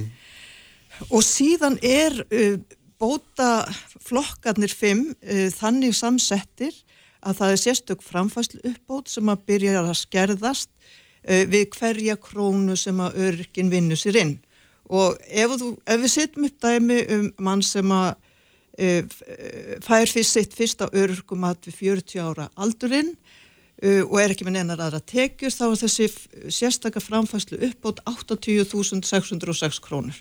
Hún, svo fer hann út á vinnumarkaðinn og til að nýta sér frítryggumarki þá, þá skerðist þetta, þá missar hann þetta og móti mm. og svo borgar hann skatta 200.000 kallinum þannig það er svolítið lítið eftir af þessari kjarabót uh, og ef að þessi sami einstaklingur uh, fer í sambúð oh þá missir hann heimilis uppbót þá, og þá fyrir framfæslu uppbóti niður í 65.000 krónur á mánuði sem að skerðist líka. Þannig að þetta er ekki eftirstendur, stór hópur, öryrkja og, og eldra fólk sem þarf að trista á almannatryggingakerfið langt undir lámáslaunum og besta kjarabótin væri auðvitað að, að hækka grunninn og og stoppa upp í kjara gliðnunina sem hefur verið hér á, á hverju ári aukist og, og það þarf ekkit að býða eftir nefni endurskoðun á okkur almannatryggingakerfi til að gera það. Mm. Það þarf bara að hækka í samanlega við verbolgu og í skrefum uh, stopp upp í gatið. Já, Jólur. Já, sko, varandi það sem að Bjarki segir, formadur fjárlæðanemnda segir, hún hefur talað fyrir hinn og þessu, talað fyrir Harry Bankarskatt, talað fyrir fyrir veiðilega gjöldum með það sem að segja hérna á hann uh. sko formað framsámflokksins hefur segja á hann, hefur talað fyrir fjármastíkuskatti hækkum fjármastíkuskatt það er ekkit að þessu í fjárlagafrjóðarspinu og það er alveg auglasmál hver, hvaðan þetta fjárlagafrjóðars kemur. Það kemur fjármarraðundinu frá Bjarnar Beindarsson í formaði sálstafljóðsins og það er virist, já, nákvæmlega. Og það er ekkert annað. Þú veist sko, það gengur ekki lengur að, að viðstik rænir fari fjölmjöla þessi að tala fyrir hinn og þessu. Skali liggur fyrir fjárlagafrjóðan líkur fyrir og það er það sem er stefna þessari ríkistjóðnar og stefna vinsti græna það er ekkit floknar en það. Mm -hmm. og það haldaði fram að þessi var að tala fyrir allt öðru það er alveg auglösmál að kjaragliðinu örkjana heldur áfram. Það er ekki verið að hækka fjármastíkuskatt og það er ekki verið að hækka bankaskattinni fyrir horf við höfum fengið, fengið 9 miljardar króna ef að, ef að það hefur verið farið með bankaskattinni fyrir horf mm -hmm. og það var líka lækkað að veðilega gælda á sunnum tíma í þessari ríkistjórn þetta er allt sama, sama horf skulum leiða Bjarki að bregðast þessu og svo um leiða hún er búin að gera östu hlýja til þess að fá inn hérna, nokkur ölsingar þegar það er að koma jól eins og allir vita. Bjarki Já, uh, ég, ég, sko, ég ætla bara að segja það varðandi það að, að sko, það er eitt að vera formaði fjálagnendar og, og það, svona fólk lætur eins og það þýðir að maður getur bara gert hlutin einn og sér svona. Auðvitað er það ekki tannig. Ég ætla bara ekki að halda því fram að, að nokkur fyrir maður séu þeirri stöðun hins er auðvitað, hefur maður vægi og ég ætla ekki heldur að gera lítið úr því. Varðandi það sem átnýtt sagði með fólki sem er á vinnumarkaðin og þegar og eru öryrkjar, við erum kannski einmitt að reyna að draga það fram að eh, fleiri geti nýtt sér þetta. Það eru sannlega hólur í kerfinu sem við þekkjum og, og þau vita bæði sem hjá þeir sitja að verið er að skoða og ég er bara ósamála því að það sé bara hægt að halda áfram að plástra þetta kerfi endalust. Það þarf að gera þetta markvist að mínu mati uh, og ég, það er verið að vinna þá vinnu og það kemur fram frumart núna á vordögum ef ég veit rétt um þau málefni Við erum að hækka núna um 10,6% þannig að við, ég er ósamála eigjólfi þegar hann segir það að við höldum ekki í verðbólgu varðandi þau mál, þannig að bara til að halda því til, því til haga að þá uh, er það uh, allavega í fyrsta skipti gert í ansi held ég bara reynd langan tíma. Þannig að við skulum líka horfa á það sem að vel er gert þó að margt megi bæta uh, að hálfu, eða hvað ég segja, okkur öllum finnist margt megi bæta í kerfin og við kannski gerum það aldrei nákvæmlega eins og við myndum vilja gera það. Mér langar aðeins bara rétt í lokin með ykkur hérna, að tala um þetta, þetta leigumál sem kom upp. Og það er þessi umræða um það hvort að ég setja leiguþak. Og hefur þetta verið í umræðu mjög viða í heiminum og líka hér. Hvað finnst ykkur? Egil, viltu byrja? Já, mér, þetta er náttúrulega ótrúlega græðki að hækka um 75.000 krónur leiguna og hérna þetta sýnir það sem er í gangi, búið vera í gangi en undarfærið. Það er búið að fjármála væða, væða allar húsnæðismarkaði og það er raunverulega að fara að líta á þetta bara svo hlutabrif og það er að skrúa hækkuninu upp, uh, spurningu bara á ávastunarkröfu og þannig vera að hækka á, hækka á fólki um ótrúlega fjárhæðir og jáfnvel eldra fólki eins og komið fram í fréttum og flokku fólksir, við munum leggja fram frumvart núna fyrir jólinn sem að mhm. tekur á þessu máli til bráðaberða oh. mm -hmm. það sem verður bara heimiluð prósunduhækkun, lág prósunduhækkun hvort það verður verðbólgu, samverður með verðbólgu 2,5%, 3% þá eftir að koma í ljós nánar mm -hmm. og þetta sýnir alltaf bara stærri mynd sem er það er eiginlega verið að leigulega að væða þjóðina, það er alltaf aukast fólk, fólk hefur gefna á köp eigi húsnæði út á vöxtum og þannig að það er eini kostverða er að fara í leiguhúsnæði þá getur ekki sapna fyrir fyrstu útborgun í húsnæði. Mm. Það verður að taka á þessu, það er einstaklingar eiga að fá tækifæri til að kaupa sitt eigi húsnæði og þetta sýnir um þess að fjármála væðingu sem er mm. eiga sér staðin mörg mörg ár og meðan annars undir þessa ríkist. Já, Odni, östutum þetta. Já, við höfum lagt fram þingmál um nákvæmlega þetta Já.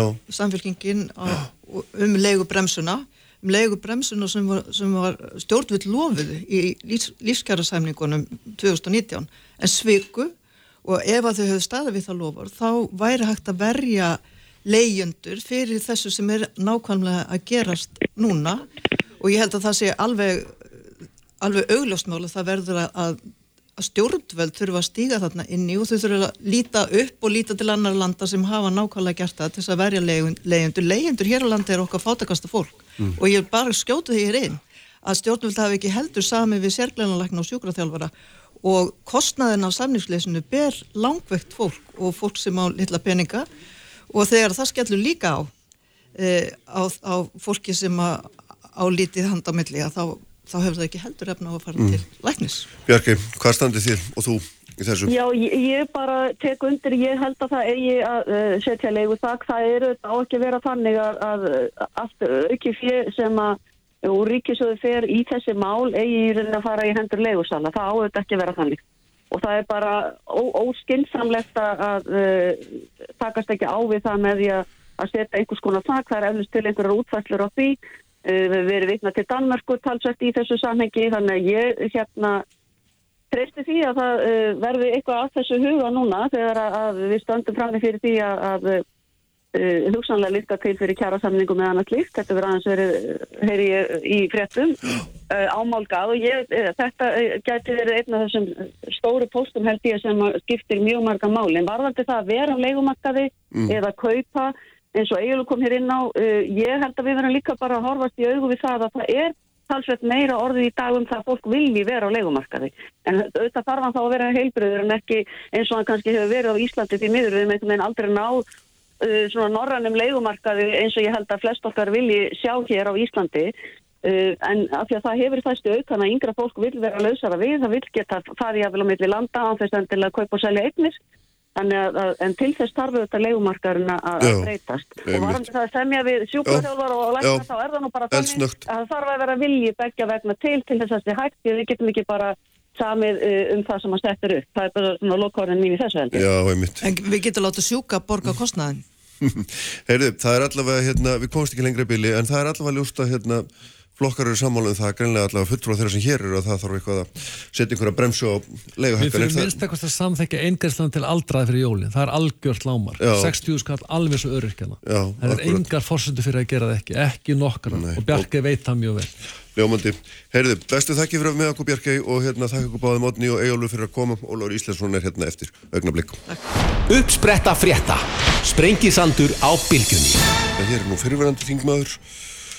Ólafur Íslandsson, sæl blessaður og velkomin Takk að fyrir. Og hérna doktor í Hafræði og, og doktor í Íslenskun lífyrirsjóðum Korki Merinu minna. Er það ekki rétt? Jú. Já, þú eru að gangast til því. Nei, nei, ég skrifaði rítkjörð um íslenska lífeyriskerfi, það er alveg rétt. Já, já, já, og hérna það sem er mest svona áhugavert að þú skrifa svo margt og, og, og ég veit að mörgum er hugleiki, svona þeim sem eru að komast á öfri ár, er þetta samspill lífeyrissjóða, almanatrygginga og þessara frægu skerðinga allar sem að hérna fólk rekur, rekur upp stóru augu þegar það heldur að sé að fá feitan penning úr lífeyrissjóðum og almanatryggingakerfinu og finnst það ekki fá nokkur nöður, af því að þetta er allt saman að þess að týntinga á þangað Þarna er náttúrulega flóki samspil á Já, mjög svo, mjög svo og, og hérna, minna er þetta mikið skerningakerfi? Er það bara niðurstaðan? Eru týndar á okkur krónurnar í bak og fyrir? Eða er þetta þjóðsra? Það finnur allt eftir því ákveðin það er litið Já, sko, það er ágættið svipa Já, ég meina, sko, við, við erum hérna með í, sko, við erum með svona þrjár megin stóðir undir, undir því hvernig fólk sem er horfið að vinnumarkaði mm. sko framfleytið sér og þær þrjástóðir eru náttúrulega almannatryggingakerfið, lífur í sjóðunir sem að menn eru skildaði til að, að greiði í Já. og hafa verið og síðan uh, sérreitnarspartnaður og það er auðvitað þannig að almannatryggingakerfið er auðvitað sett upp til þess að þjóna markmiðum þeirra sem að eða hagsmunum þeirra sem að hafa minnst fyrir sig að leggja og er ætlað að vera svona öryggisnett sem já, já. er svona strengt undir fólk og markmiðið náttúrulega er að sem fæstir eiginlega þurfi á því að halda. En auðvitað er það alltaf einhverjir og þá er náttúrulega þessi spurning að setja upp svona kerfi að það sé að það e, sjóni þeim markmiðum sem því eru sett sem allra best og þetta er auðvitað þetta er auðvitað pólitíst viðfánsefni í sjálfu sér. Já, já. Þetta er efni til þess að fjallu um á stjórnmálulegu vettongi og uh, menn hafa þetta mismunandi sín á þetta og hvernig eigi að stilla af þetta kerfi uh, með sínum skerðingum og, og öðrum tilfæringum mm. þannig að það uh, þjónuð sem best sínum markmiðum og nú það var nú hérna gerð til raunýlega af halvu gráhessins sko, til þess að fara með þetta fyrir domstóla já, já og það kannski var ekki úr því neinn sérstök fræðar för Nei. vegna þess að það er alveg skýrt tekið fram eins og til að mynda í loka neðstöðunni sem var auðvitað dómur hæstaréttar að það væri verkefni alþingi sem að færi með fjárstjórnavaldið að ákveða hvernig þessu skildi hagað. Og að e, þannig að e, svo tilraun að, að leitast við að fá niðurstuði þessu fyrir domstólum að hún sem sagt bara ekki árangur. Síðan er það auðvitað þannig að á stjórnmáluvettungi þá geta mér haft ólíka sín á það uh, hvernig eigi að stilla af þetta kerfi þannig að það gagnir sem best mm. og, og sé náttúrulega já, ef maður nótt orðið réttlátt í þessu sambandi og, já, svo, og svo framvegs En það sem að grái hérinn kannski var að sækjast eftir var það ekki var að fá einhverja viðkenning á því að þarna væri um svona almenn réttind að ræða Já. sem að ekki væri hægt að svifta fólki með einföldum ákvarðunum eins og til dæmis hérna felast í setningu fjalla en dómur er hérna verið bara hafnar þessu og er þetta ekki rétt skilja mér? Jú, jú, það er þannig og sko það var þannig að það var mjög lengi litið þannig á að lífyrsjöðunar ætti að vera viðbót. Já, já, já. Og það var hérna á þess að fara inn í allar þessar flækjur en ég menna það var til hérna hugtak sem hér grunnlífeyrir almannatrygginga. Uh, reynda rýrnaði hann mjög í, í svona vegna verðbólk og annars og það kom þarna annar bótaflokkur 1971 sem var tekjutryggingin og, henni var sérstaklega beint að þeim sem allra lögustöðu kjörinn En það var alltaf einu þannig að í 40 ár að þá var þessi grunnlíferi greittur út til allra. Já, já, hann, hann, já, já. Og það var ekki, og, og hérna, það var ekki fyrir í, í hruninu þegar það var nú sko gripið til alls konar aðgerða vegna, mm. vegna báks fjárhags ríkisjós að, að, að það var, uh, það var tímabundið í fjögur ár fallið frá því að greiða þennan grunnleifiri til allra. En svo bara raknaði það við aftur og það var tekið að nýju. Þetta var sem sagt uh, 2009 sem þetta gerist og 2013 og þá bara raknaði þetta við og, og held áfram.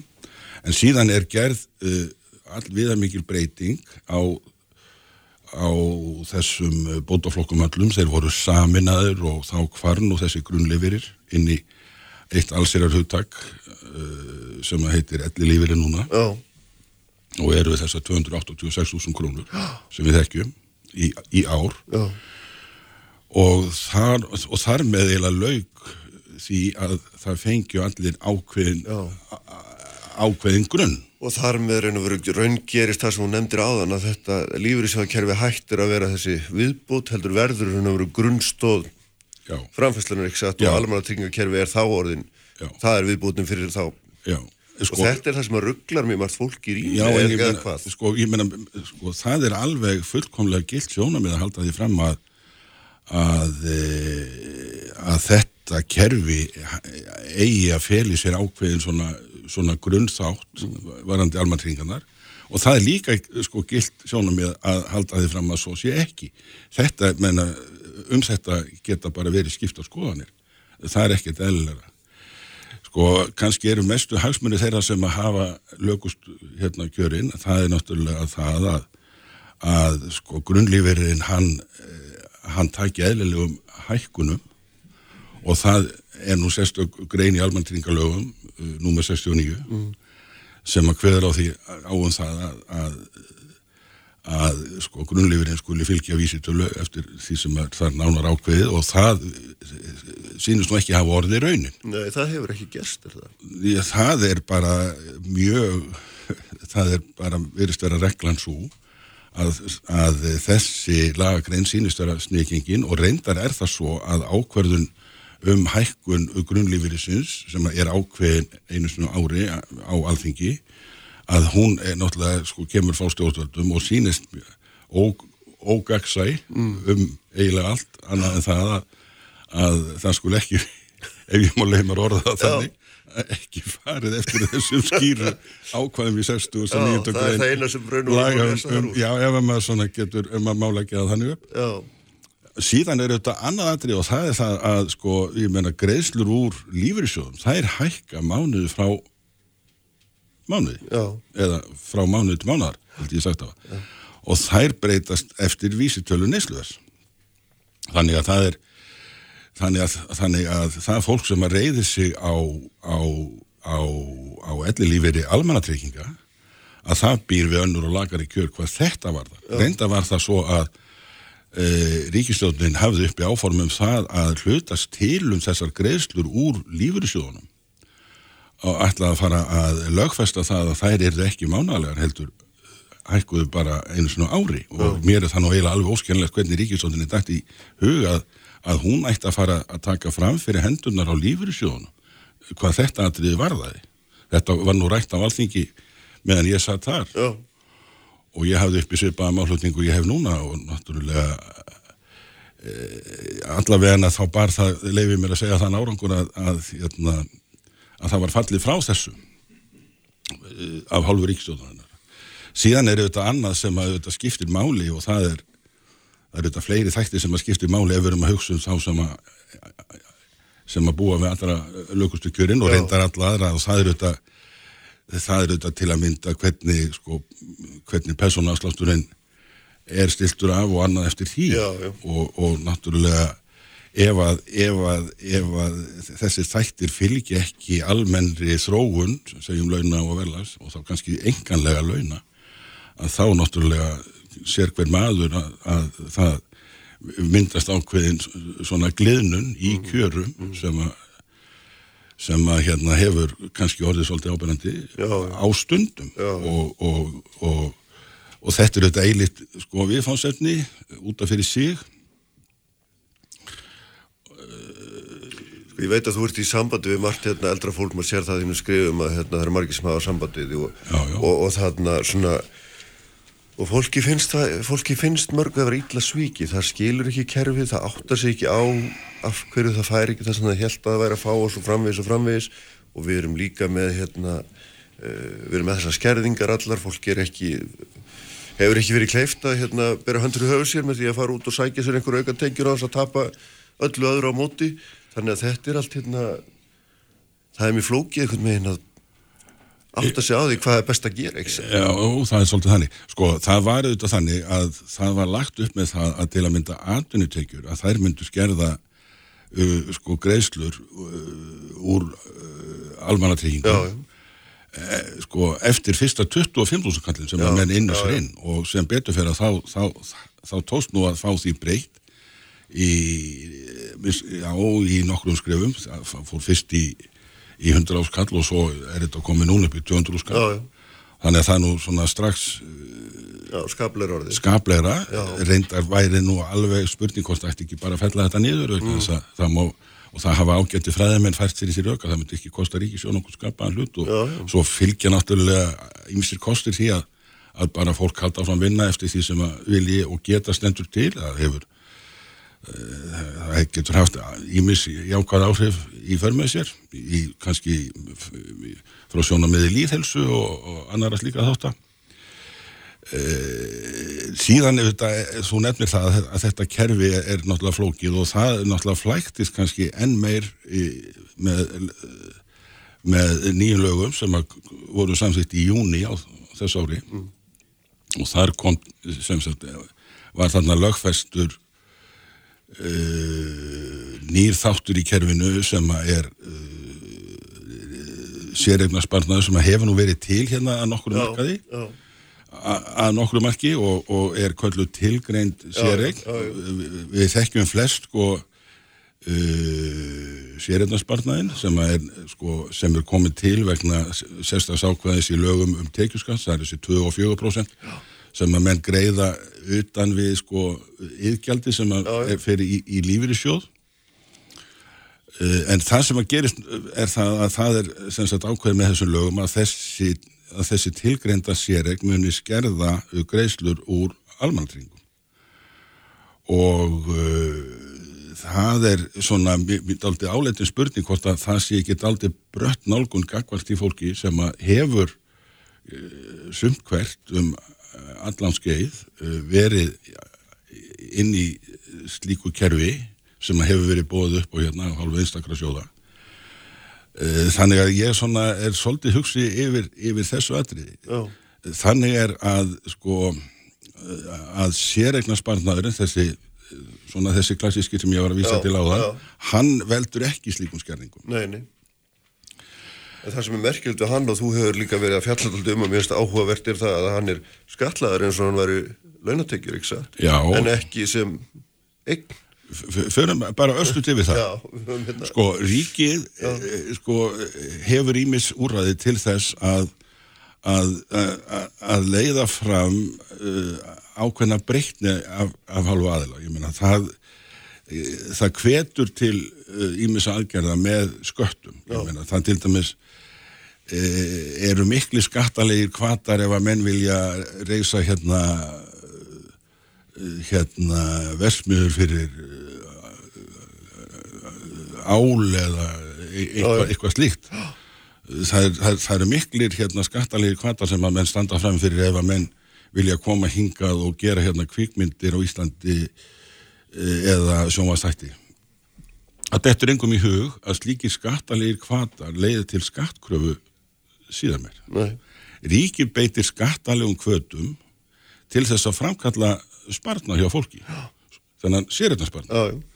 Þetta er bara sérstat ákvæði í lögum um tekjuskatt og ríkir hefur þetta mikla hagsmunna því að fólk uh, breyðist vel við og spari. Það eru mikilvæg uh, þjóðfélagsleg markmið sem að nást með slíku bætt þjóðfélagslegt uh, eða þjóðhagslegt vildi ég segja jafnvægi, aukin innlendu sparnadur uh, dregur úr neyslu uh, lækkar vexti uh, eigur eftir spurn eftir ríkiskuldabröðum en sko gagvart þessu fólki sem að tekur þessar áskorun uh, ríkisins um að spara að þá er upp í skattgrafa sem byrstist í því að að sérreitnarsparnaðurinn, hann, þegar hann kemur til útgreifslu eftir að 60 ára aldrei náð þá er hann skatlaður eins og launatökjur sem sem hann er ekki mm. hann er ekki launatökjur hann hann er eign, það er sérstaklega tekið fram í, í lögunum ég menna, fyrstulega er hann nú kallaður sérregnarsparnaður mm. sérregnarsparnaður, hann er orðið eign gefur nú bara þegar fyrir heitinu, nummið tvö þá er það uh, tekið sérstaklega fram í lögunum að þetta fyrir erfist. Í þriðalagi er tekið fram í lögunum að þetta fyrir varið fyrir gröfuhöf, þannig að það er ekki hægt að ganga manni og, og segja þú átt að, þú átt, ég, þennan að þú skulda mér og þú átt þess að borga mér sérðansbanda, það er ekki hægt. Uh, samt er þetta sko skatlat eins og þetta séu launatekjur, þetta er ekki launatekjur. Og það að taka þessari áskorun uh, af hálfur ríkisins um það að spara í, í sérhæfnarsparnar mm.